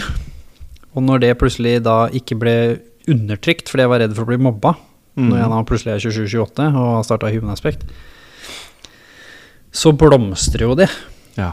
Og da kommer de tinga jeg ble mobba for, plutselig opp til at jeg skjønner at det er min styrke. Og de valgene som vanligvis alltid handla om å gjøre det vanskeligste underbevisst for å kanskje få pappa til å sende meg en melding når jeg ikke har sett han siden jeg var 15, og si jeg er stolt av deg, Mm. eller bestefar på bygda, som fortsatt bor på bygda og fortsatt ikke snakker med meg, så Mm. skjønte jeg at det er jo kraften. Det er jo det som jeg gjør at jeg fortsatt står opp om morgenen når de andre ligger og sover. Ja. Og klarer å holde ut lenger enn andre, da. Mm. Og da begynte jo dette å bli spennende. For da kom man jo inn på de tankene om at oi, da har du et eller annet Mm. som du kan bruke. Mm. Og det var kjernen i Human Aspect, fordi det er hyggelig å lære andre. Ikke sant? Og det er hyggelig å ha quick fix, som er litt sånn ok, hva gjorde du når du sto i den situasjonen? Jo, jeg gjorde det, og ok, tusen takk, da går jeg og gjør det, jeg òg. Så Mm. enkelt er det jo ikke. Så da ble jeg litt sånn Hva er det som egentlig er kjernen i human aspect? Hva er det jeg tror er problemet der ute? Vi snakket mye om det i stad, når vi snakket om den litt yngre generasjonen. Mm. Det er, tror jeg, at man faktisk tenker at problemer og utfordringer er noe vi skal bli ferdig med å løpe fra. Ja. For det er et siste spørsmål i human aspect. For det er Mhm. ikke bare hva har vært de tøffeste utfordring, som jeg sa, og hvordan har du løst det? Kunne jo stoppa der. Mm. Siste spørsmål er hva har du lært? Og det har vært der helt siden starten. Ja. Og når jeg holdt en TED-talk i Portugal, så var det det jeg snakket om. Og da sa jeg at av alle de hundrevis av menneskene som vi har intervjua, nå er det jo over 800, så er det fortsatt kun 7% som noen gang har stilt seg selv det spørsmålet. Oi. Ja. I noen som helst form. Da snakker vi ikke om at de bare har spurt det på en annen måte. De har aldri stilt seg selv det spørsmålet. Fordi vi er jo fryktelig opptatt av at når vi er ferdig med en tøff tid, så vil vi bare videre. Mm. Forståelig nok. Mm. Ja. Men det er ingen som setter seg ned da og analyserer sånn Hvilke ferdigheter fikk jeg fordi kona mi har vært sjuk i to år nå? For du får jo noen ferdigheter med en gang du får en så overveldende utfordring at livet ditt må endre seg, eller at du må lære av noe nytt, eller liksom få emosjonelle egenskaper som, som du ikke hadde. da mm. Tålmodighet, eller hva nå enn det skal være. Ja. Der lå gullet, plutselig, skjønte jeg. Ja. Så det her handler ikke nødvendigvis om at eh, noen andre bare skal si eh, hvorfor du har gjort noe. Det her handler om å vise folk at det er vanlig å stå i utfordringer. Ja. Den du er i dag, er på grunn av utfordringene dine. Ikke sant?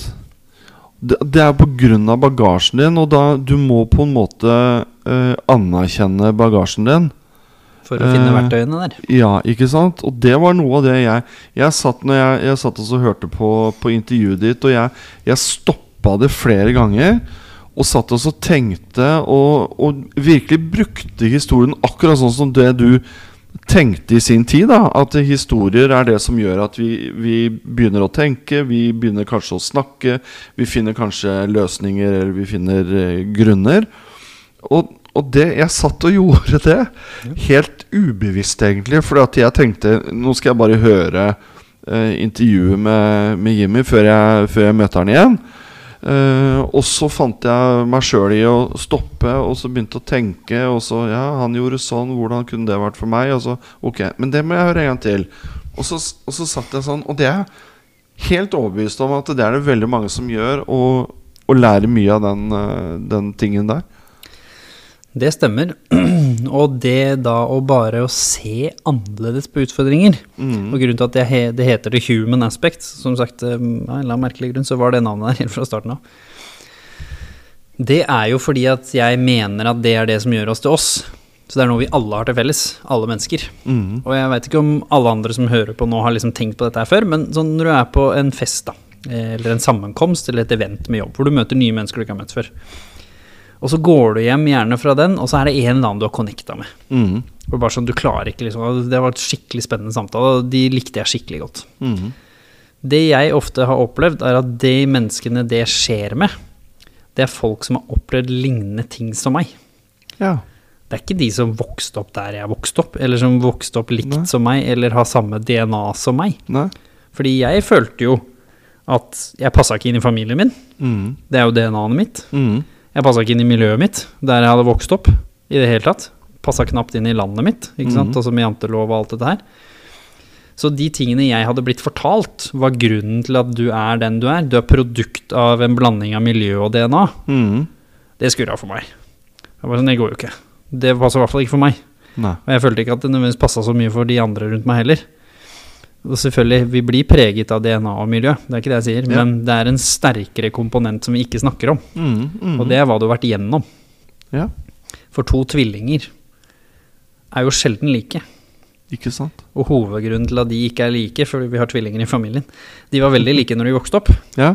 men nå som de har blitt eldre og har begynt å oppleve ting, og stått i forskjellige utfordringer som ikke var like for dem, som Mhm. ikke bare var tante var streng, Mm. men er ting som de har opplevd ute i den virkelig store verden. Nå, nå hadde du ikke trodd de var i familie engang, Nei. fordi de har utviklet seg komplett forskjellig, selv om de har jo hatt helt samme miljø og helt samme DNA. Og det, og det er jo det som gjør mennesker spennende, da. Fordi at du, du kan se de har typ samme oppvekst og alt det du sier, er tvillinger og vokste opp sammen, og de var sikkert kjempesøte som barn med like klær, og alt skulle være likt, ikke sant? Ja. Men erfaringen trenger ikke å være den samme. Og det er jo den, den bagasjen du har, som gjør deg til den personen du er Ja. der og da. Og, og det er det som gjør det spennende. Absolutt. Og den siste tingen som gjorde meg, eller to ting som gjorde meg sikker på dette her, i teorier, da, hvis vi skal forankre dette i teori, ikke bare mm. på Jimmys magefølelse og erfaring. Det er én teori i VIA, det, og VIA Strength Finder er liksom en av de største liksom etablerte måtene å utforske hvem du er. Det er knytta til dine verdier og din personlighet. Der står det veldig tydelig i den teorien den eneste tingen som kan få gjøre at du får et annet resultat. Det er en sånn forferdelig kompleks spørreskjema. Som da er jo laget på en måte at uansett om du svarer litt forskjellig fra gang til gang, for det er jo ingen som svarer helt likt hver gang, så Nei. kommer du fortsatt til å få samme resultat. Mm. For det er laget såpass avansert. Men den eneste tingen som kommer til å få deg til å havne i andre bokser, da, så at resultatene blir annerledes, samme person, er hvis du opplever noe ekstremt traumatisk, står det. Noe livsendrende. Og de begrunner det med at da får du ferdigheter som du ikke hadde. Det kan til og med endre personlighetstrekk, står det. Oi. Spennende. Bekrefter jo på en måte det jeg sier, med da Ja. tonnevis av research og 30 år og bla, bla, bla. Ikke sant? På den andre siden, i psykologi, så har vi posttraumatisk stresslidelse, som de fleste har hørt om, PTSD. Det betyr at du får masse kjipe etterfølger av å ha opplevd noe traumatisk. Mm. For å veldig komplisere, eller veldig forenkle. Mm. Men det fins en annen teori om det samme, som heter posttraumatisk vekst. Som også er en psykologisk teori. Som er nettopp det jeg sa. Og der står det i den teorien at man ser at noen som opplever veldig traumatiske ting, får også en uforklarlig vekst som kan knyttes tilbake til hendelsen, traume, Mm. på personlig plan. Som kan være sjelsettende, da, står det. Men det står noen, og de vet ikke hvem. Det står Nei. ikke noe om hvorfor. Nei. Det er jo det vi mener vi har funnet, da. Mm. For meg er det spørsmål tre. Hva har du lært? Og at du faktisk setter deg ned og tenker Ja. og ser på den dritthaugen med utfordringer da, som du egentlig aldri har lyst til å snakke om igjen, og spør deg selv hva med min personlighet i dag er det som er annerledes av det som skjedde? Mm. Og alle kommer til å finne noe, hvis vi da snakker om det største. Da? For spørsmålet er jo hva har vært ditt livs tøffeste utfordring. Og da begynner det å bli spennende, da. Når du plutselig kan knytte to teorier som egentlig ikke har vært knytta sammen før, Mhm. eh, i tillegg til nå 800 mennesker. Så det er ikke sånn at uh, empirien vår er lav akkurat nå, den Nei, er nei. veldig høy. Og fra 100 forskjellige land. Så det er altså på kryss av kultur Mm. så ser vi akkurat samme tendens. Nå begynner jo folk å synes at det er veldig spennende å høre på, da, ikke sant? Når man begynner å bli sånn Nei, shit, her har man kanskje funnet ut av noe som Ja, ja. ikke nødvendigvis var. Og hvis du knytter det tilbake til min historie, hvorfor er Jimmy så opptatt av dette her? For han har jo lyst til å finne svaret på hvorfor i alle verden har jeg følt meg som om jeg var et romvesen ja. plassert her på jorda hele livet. Jakten etter deg, rett og slett. Jakten etter Jimmy.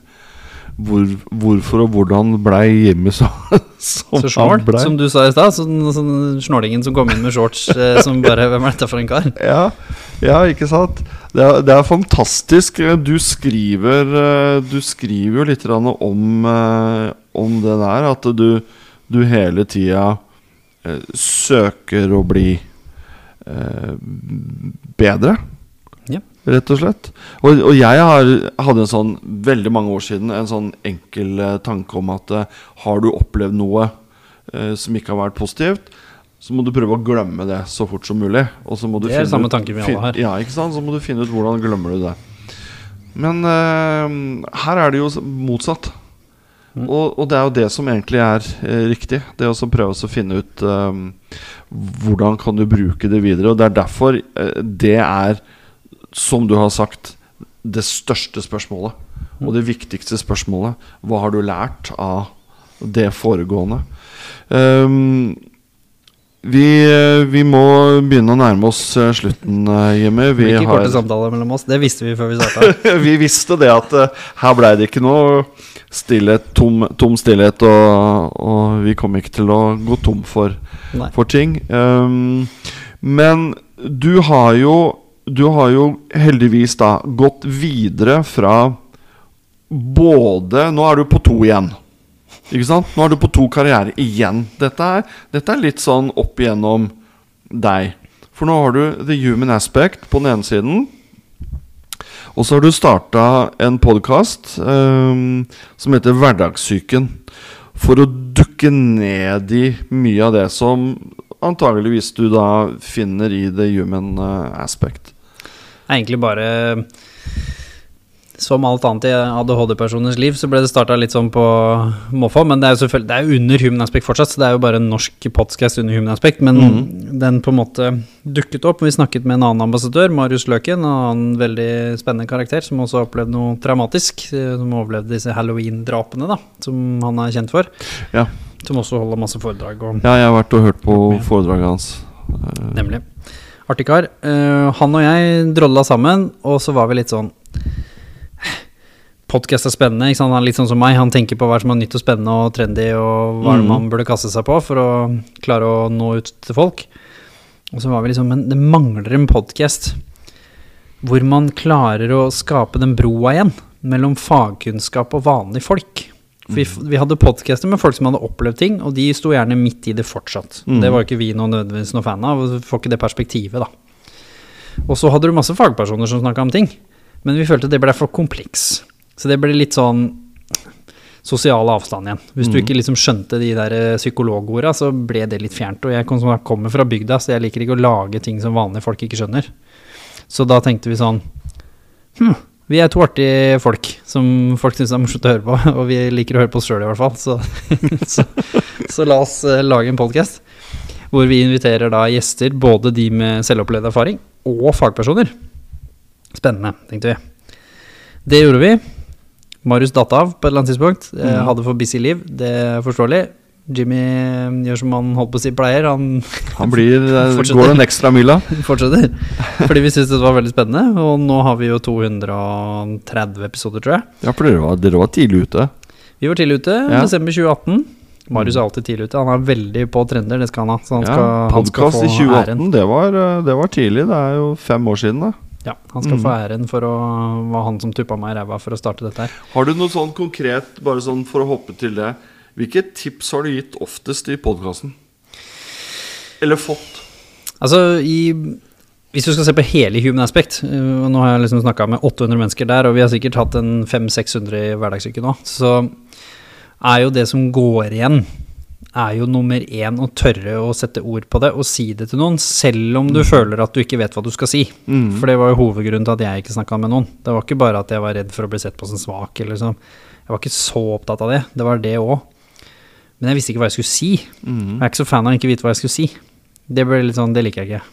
For jeg er jo kjent for å være independent og skravlekopp, og at jeg alltid vet svaret på ting. Ikke sant? Det er jo han, han typen der. Så det å ikke engang vite hva jeg skulle si, det var flaut. Og litt skamfullt. Så da var det jo Det er liksom en av de tinga som går igjen. Si det allikevel. Mm. Og heller bare si Jeg vet ikke hvordan jeg skal forklare dette her, men jeg har det veldig tungt nå. Og jeg syns det er vanskelig å komme meg ut av senga, og jeg sliter med å sove. Trenger ikke Mm. å si noe mer enn det. Det klarer de fleste av oss å sette ord på. Og så kan andre hjelpe deg i samtale med å sette ord på det. Og da snakker vi, Det kan være vanlige folk, det kan være fastlegen din, eller det kan være lavterskeltilbud. Det er ikke så farlig, egentlig, ser vi. Og det ser vi i data nå. Det er ikke nødvendigvis det som er farlig her. Det som er viktig, er å åpne seg til noen.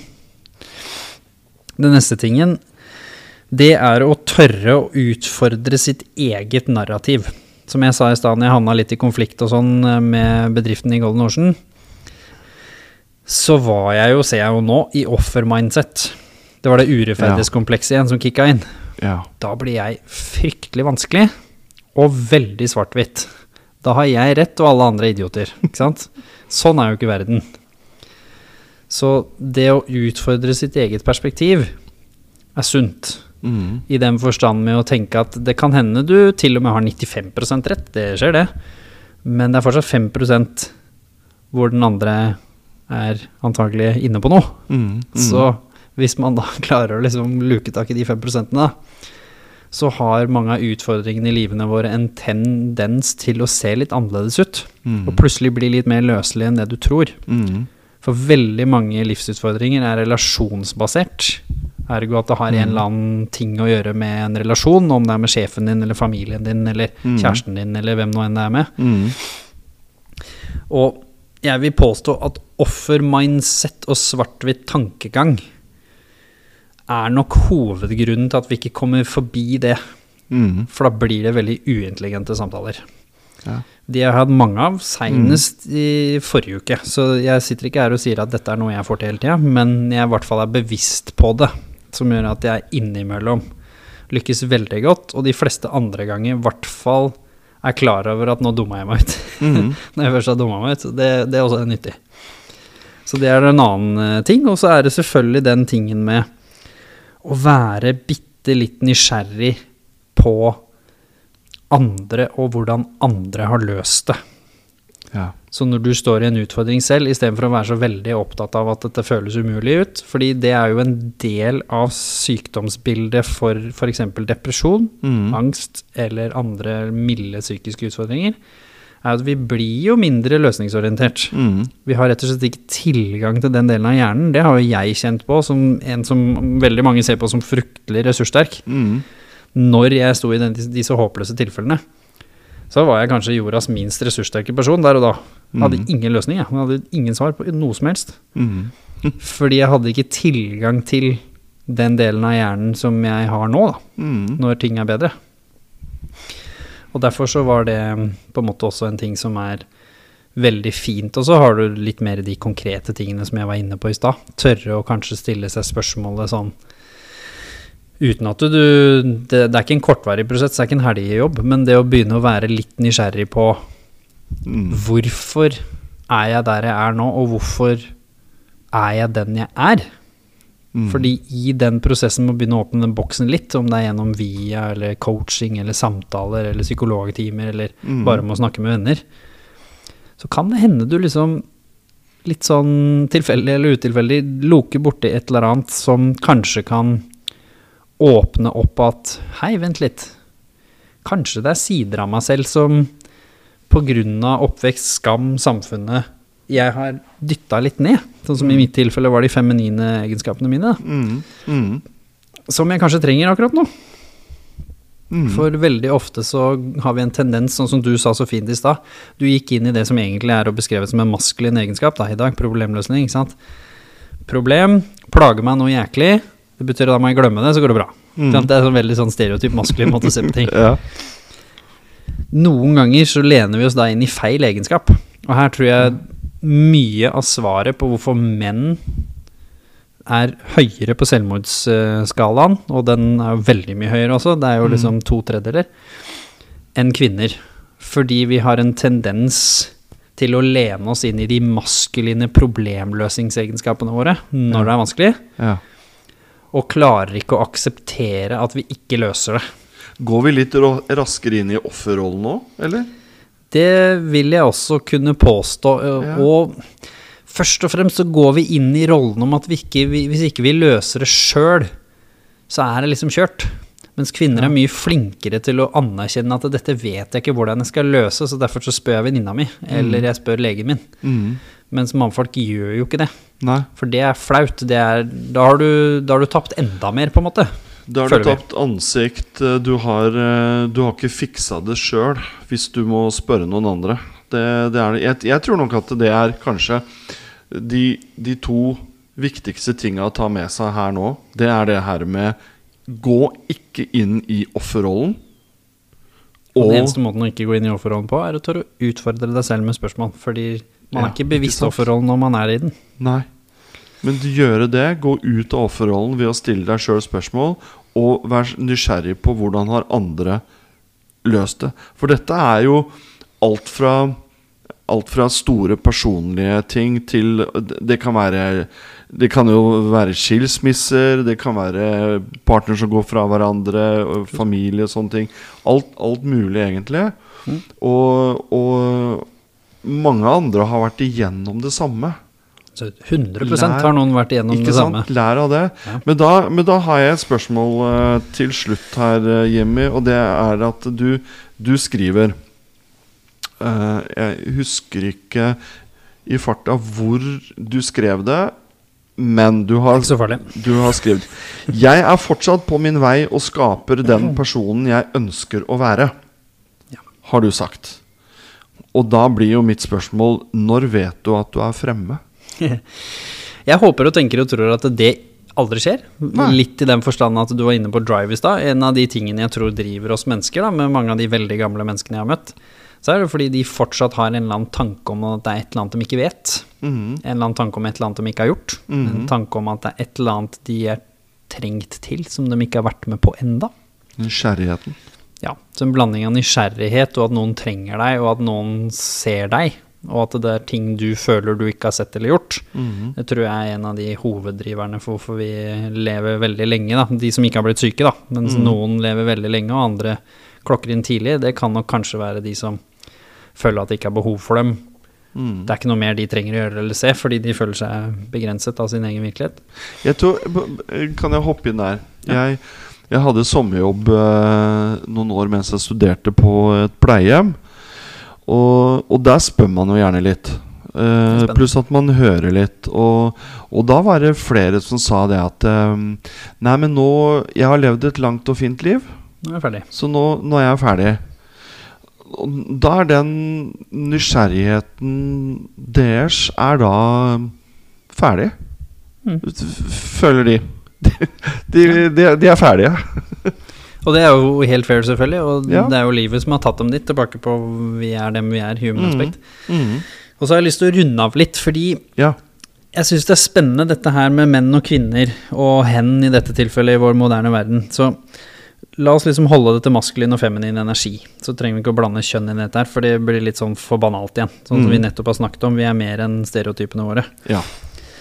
Men i dagens moderne samfunn så har jo veldig mange av de som er kvinner, blitt pusha inn i å lykkes med de maskuline traitsene sine igjen. Det der med å få til ting, være karrierekvinne, de tingene som jeg så i mamma allerede da jeg var ung, tante og bestemor, Mhm. er jo de tingene som også gjorde dem til De fikk til ting, Mhm. men de havna litt i samme problemene som oss. Mm, Ja. At de heller ikke snakket om ting når de sto i vanskelige ting. For det er som jeg sa, de var nok ikke så åpne de til å spørre om hjelp og sånn, eh, disse sterke kvinnene i mitt liv. De var heller sett på som sterke kvinner, ja. og ikke bare kvinner. Sant?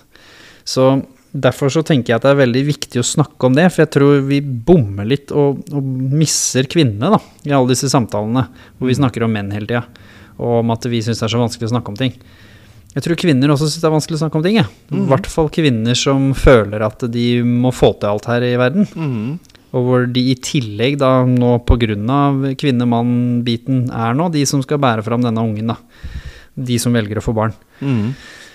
Og da på en måte legger man jo en ekstra byrde oppå det, Ja. hvis du skal få familie i tillegg.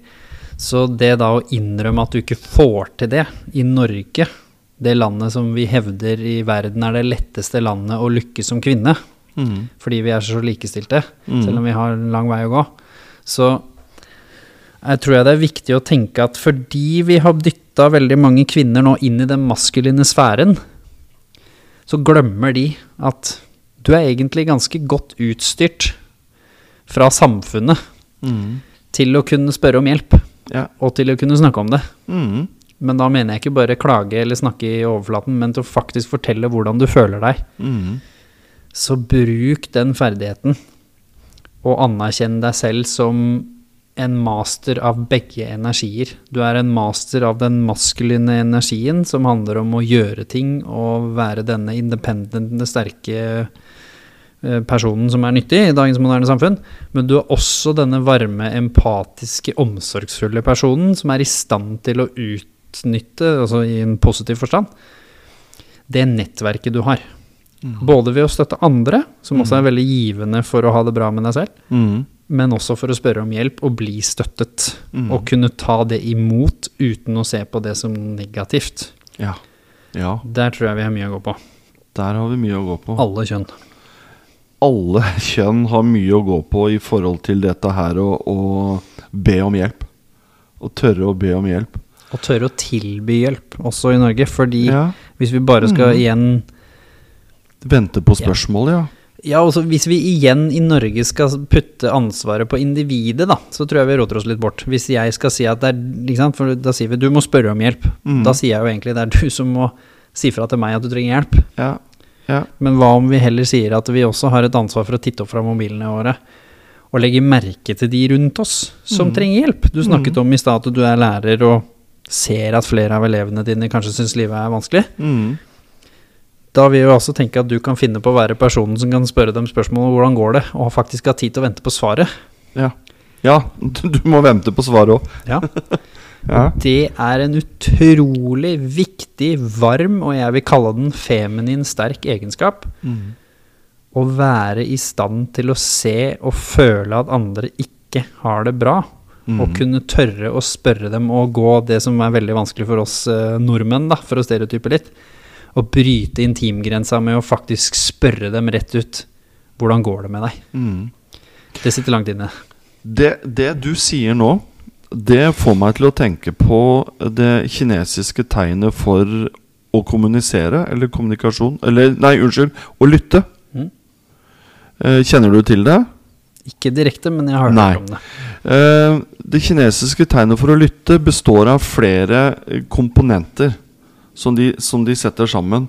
Og jeg syns det er et fantastisk eh, Hva skal jeg si En fantastisk måte å snakke om at du, du skal lytte. For at du skal lytte med eh, din fulle oppmerksomhet. Mm. Du skal lytte med hjertet ditt. Du skal lytte med ørene dine. Og du skal lytte med øynene dine. Yep. For du skal se for å kunne se om det går bra.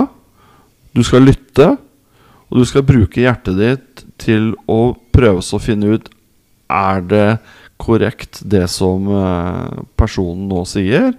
Eh, stemmer det overens med alt det andre? Jeg syns det er eh, et veldig, veldig fint tegn Mm. for, for det å lytte. Og, og, og lytte Vi har jo ikke snakka noen ting om dette her, men lytting, eh, kommunikasjon, alt det der, det er jo mm, oppi alt det du har uh, snakka om nå. Og det har vært med å løse mye av de tingene vi snakket om nå, da. For vi kan jo liksom, for å ikke la elefanten ligge i rommet, hvordan løste jeg konflikten med bedriften? Ja. Som jeg rota meg sjøl opp i. Eller, de var for all del delaktig, men som vi rota oss opp i. Det var jo at jeg faktisk turte til slutt å ringe den personen jeg hadde en god relasjon med, Herman. Som var øverste sjef, som ikke var blanda inn i denne biten av konflikthåndteringen på den tiden der. Og sa Hei, we've had a good run. Sant? Det jeg har levert hos dere, det vet jeg har av kvalitet. Jeg vet dere har tjent på det. Jeg har tjent på det. Jeg har vokst, jeg har lært. Jeg har Kan vi ikke runde av på en fin måte nå? Mm. Så er vi heller bare enige om at eh, dette var hell i uhell, holdt jeg på å si. Og så avslutter vi på en fin måte. For hadde vi starta alle mulige rare prosesser, som er sånn typisk når begge går ned i skyttergravene sine og begynner å kaste stein i huet på hverandre. ja. Kommunikasjonen hadde brutt komplett ned. Ja. Vi var på en dårlig sted. Mm. Mens ved å da gjøre noe litt uforutsett, men på en varm, empatisk måte, da hentet jeg fram de mer feminine egenskapene mine igjen. Jeg prøvde ikke å være hard, jeg prøvde ikke å true med noe, prøvde ikke å overbevise han om noe. Mm. Jeg bare Nei, Herman, Du bare Du kjenner meg, ikke sant? Du og jeg, vi kjenner hverandre. Jeg spilte på at han må jo forstå at det er noe galt her, i at jeg oppfører meg sånn som jeg gjør. Mm. Det er ikke bare av den objektive konflikten. Nei. Det er noe underliggende med den skaden og situasjonen som har skjedd med Jimmy i Singapore. Og han skjønte det, uten at vi trenger å snakke om det i detalj. Mm. Som gjorde at han bestemte seg for ja, dette høres smart ut. Ja. La oss gå for det. Fordi han også da tippet inn i den varme, feminine siden som også Herman har, som han gjorde at han løste det. Hadde ikke han vært der, så hadde vi antagelig ikke løst det. For jeg trengte den empatiske personen på andre siden òg. Ja, fordi det hjelper ikke om den ene åpner opp. Den andre siden må òg åpne opp. Ja. Mm. Men det er gjerne lettere når du utfordrer deg selv litt, sånn som vi sa i stad med dette offerperspektivet, og kommer litt varmere inn. Jeg snakka mye om det her med min egen samboer og, og partner, om eh, hvor vi også har vært gjennom en røff tørn, og så snakket vi om at vi begge to har en tendens til å gå ikke åpne med det sårbare. Blir veldig vanskelig når man begge liksom fyrer seg opp og plutselig blir sårbar. Ja. Eller og gjerne når den sårbarheten kommer, som den gjerne kan gjøre når man blir sliten, ikke sant? og så begynner man å grine, eller så sier man det som egentlig ligger under, og så har man krangla i halvannen time først. Mm. Da er det litt for seint, altså. Det er det som er synd. Fordi da er det ikke så lett å ta imot den sårbarheten. Nei. Da blir jo gjerne den andre parten litt sånn Ja, nå skal du begynne å grine! Ja, ikke sant. Nå kommer det. Ja, Skulle ikke bare sagt det for halvannen time siden. Ikke sant? Da blir man jo sur fordi man har tapt tid, og så begynner man å rote noe voldsomt. Så nå har vi prøvd å utfordre hverandre på å snakke om Så det kan kanskje være sånn fin avslutning til dere som hører på. Mm.